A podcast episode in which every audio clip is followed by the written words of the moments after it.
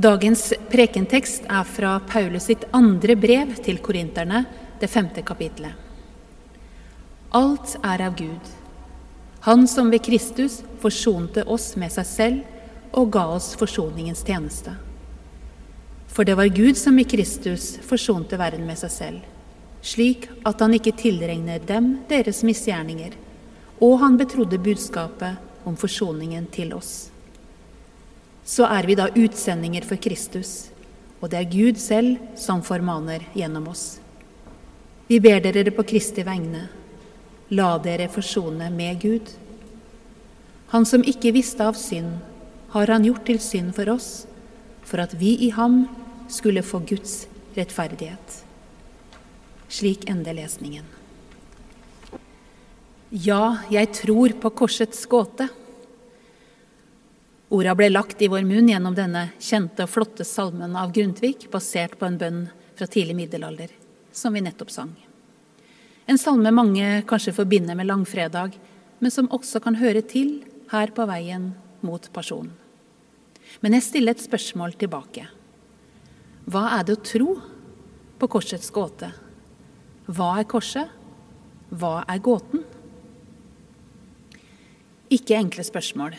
Men så tenker jeg meg at fasten er en slik tid hvor vi kan bore dypt, bore ned i de komplekse og sentrale delene ved den kristne tro.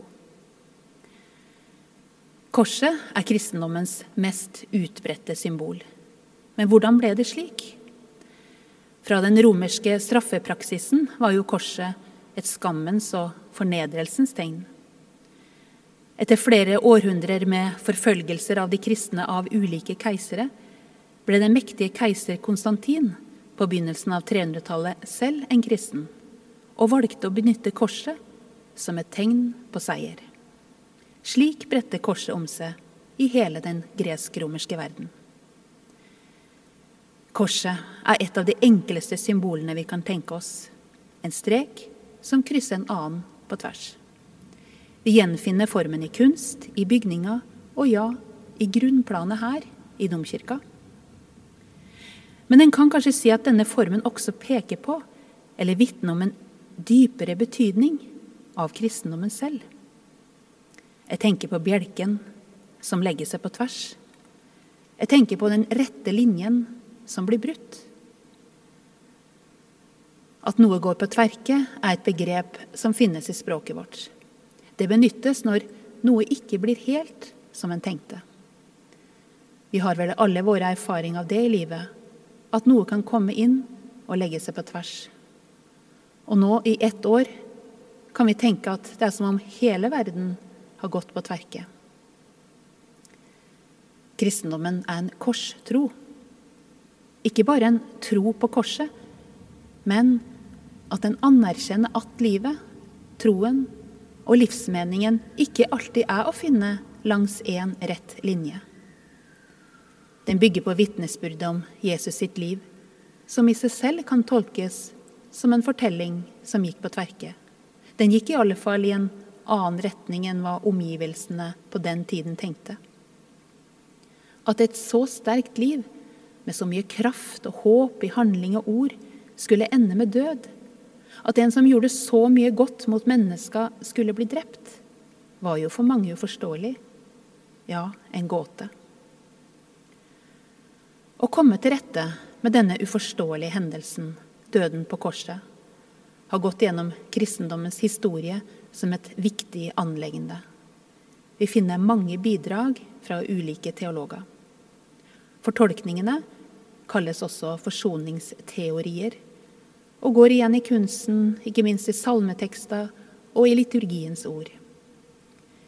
De mest te kjente teoriene fokuserer på at Jesu død handler om seier over døden og det onde, sett i lys av påskedag.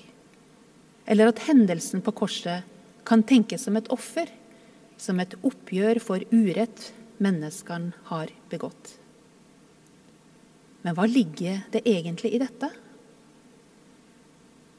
På samme måte som de første kristne nok jobbet med å komme til rette med selve hendelsen på korset, er det mange som særlig i det siste århundret også har måttet jobbe med å komme til rette med forklaringen den ble gitt. Hvordan kan det gi mening å snakke om seier over død, når bilder av brutal død strømmer mot oss hver eneste dag, utløst av hensynsløse kriger, terror, sykdom? Hvordan kan det gi mening å tale om ett offer, en stedfortredende død på vegne av oss alle, når så mange mennesker hver dag ofres i uskyldig lidelse eller som følge av vold og ondskap? Det er ikke bare ett kors i verden. Slik skriver Hans Børli om det i et av sine dikt, og jeg siterer. Her snakkes så mye om ett kors, én død. Men hvem var vel han som hang på kors nummer 1012 på venstre side, regnet fra den appiske port? Nei, ingen. 6000 døde langs veien fra Rom til Capua. Dikteren sikter til en historisk hendelse og minner oss om all uskyldig lidelse og død som finner sted over hele kloden. Og vi kan legge til minne oss om Jesu død midt iblant dette. Men hvordan kan kristendommens korstro være oss til hjelp og gi oss trøst i en verden med død og uro? Vi lar spørsmålene dirre mellom oss og låne øret til Paulus. Prekenteksten i dag er henta fra et av hans brev. Han er den første kristne teologen som gikk inn i korsets gåte med dypt alvor og knytta det til ordene om forsoning. Han skrev også i Kolosserbrevet og ved ham Kristus ville Gud forsone alt med seg selv, det som er på jorden og det som er i himmelen da han skapte fred ved hans blod på korset. Soning benyttes i Bibelen og i disse versene om noe som må formildnes eller gjenopprettes fordi noe gikk på tverke. Det som gikk på tverke eller ble feil, er sett i et perspektiv alt. Verdens begynnelse starta jo ut med store drømmer for menneskeheten og for en fruktbar jord som skulle gi føde for alle. Da Gud vandra fortrolig rundt i paradis med sine første nye venner, var håpene mange. At mye ikke gikk slik det var tenkt, ser vi daglig, og vi er på ulike vis en del av det.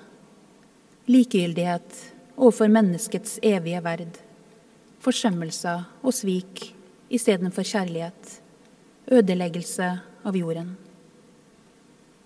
Det var dette Gud ville gjenopprette. Alt dette som oppstår og gjentar seg hele tiden fordi vi er mennesker. For vi kan ikke alltid gjøre et valg om å unngå det som ødelegger. Vi kan ikke alltid velge oss det som er best for oss. Vi kan ikke alltid velge oss tro, håp og kjærlighet. Det er å forbli et av menneskenes store gåter. Hvorfor vi vil gjøre det gode, og ikke alltid makte å få det til. At Gud forsonte seg med alt, åpne også for forståelsen om at Gud måtte forsone seg med vår menneskelighet, vår utilstrekkelighet, våre brister, våre kors. Jesu levde menneskeliv kom Gud nær. At Gud vet alt og likevel velger oss på nytt og på nytt, er det kristendommen kaller nåde. Korset er for oss et tegn på nye livsmuligheter, fred.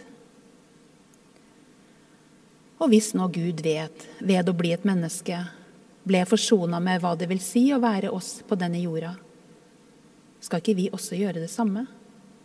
Skal ikke vi da også forsone oss med vår utilstrekkelighet og tilkortkommenhet, med vår menneskelighet. Det kan frigjøre oss fra en usunn jakt på perfeksjon. Frigjøre oss fra et jag om å bli noe vi uansett ikke kan bli. Krefter kan frigjøres som kan rettes mot de rundt oss, som trenger våre kjærlighetshandlinger, ikke vår selvopptatthet.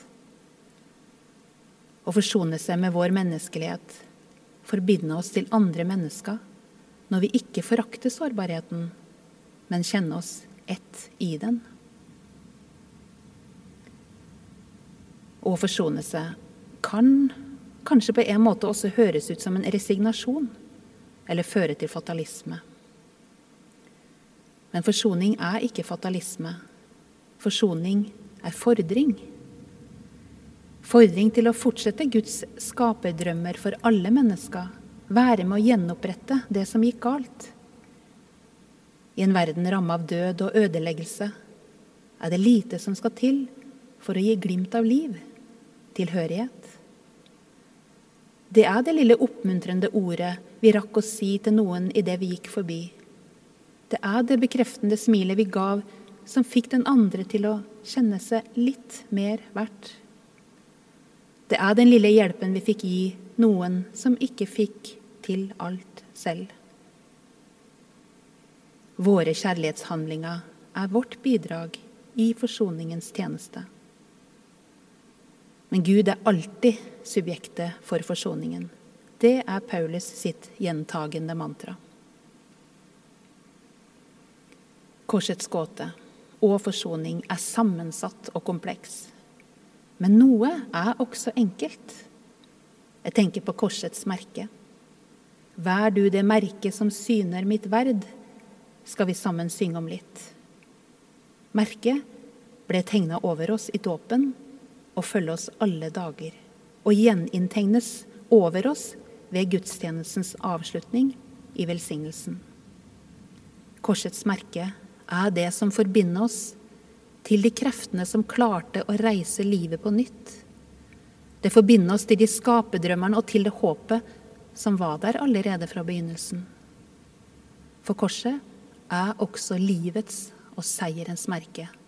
Det kan ikke tas fra oss.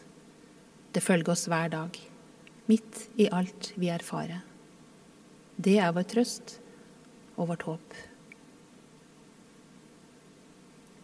Ære være Gud, vår skaper, frigjører og livgiver, som var og er og blir en sann Gud fra evighet og til evighet. Amen.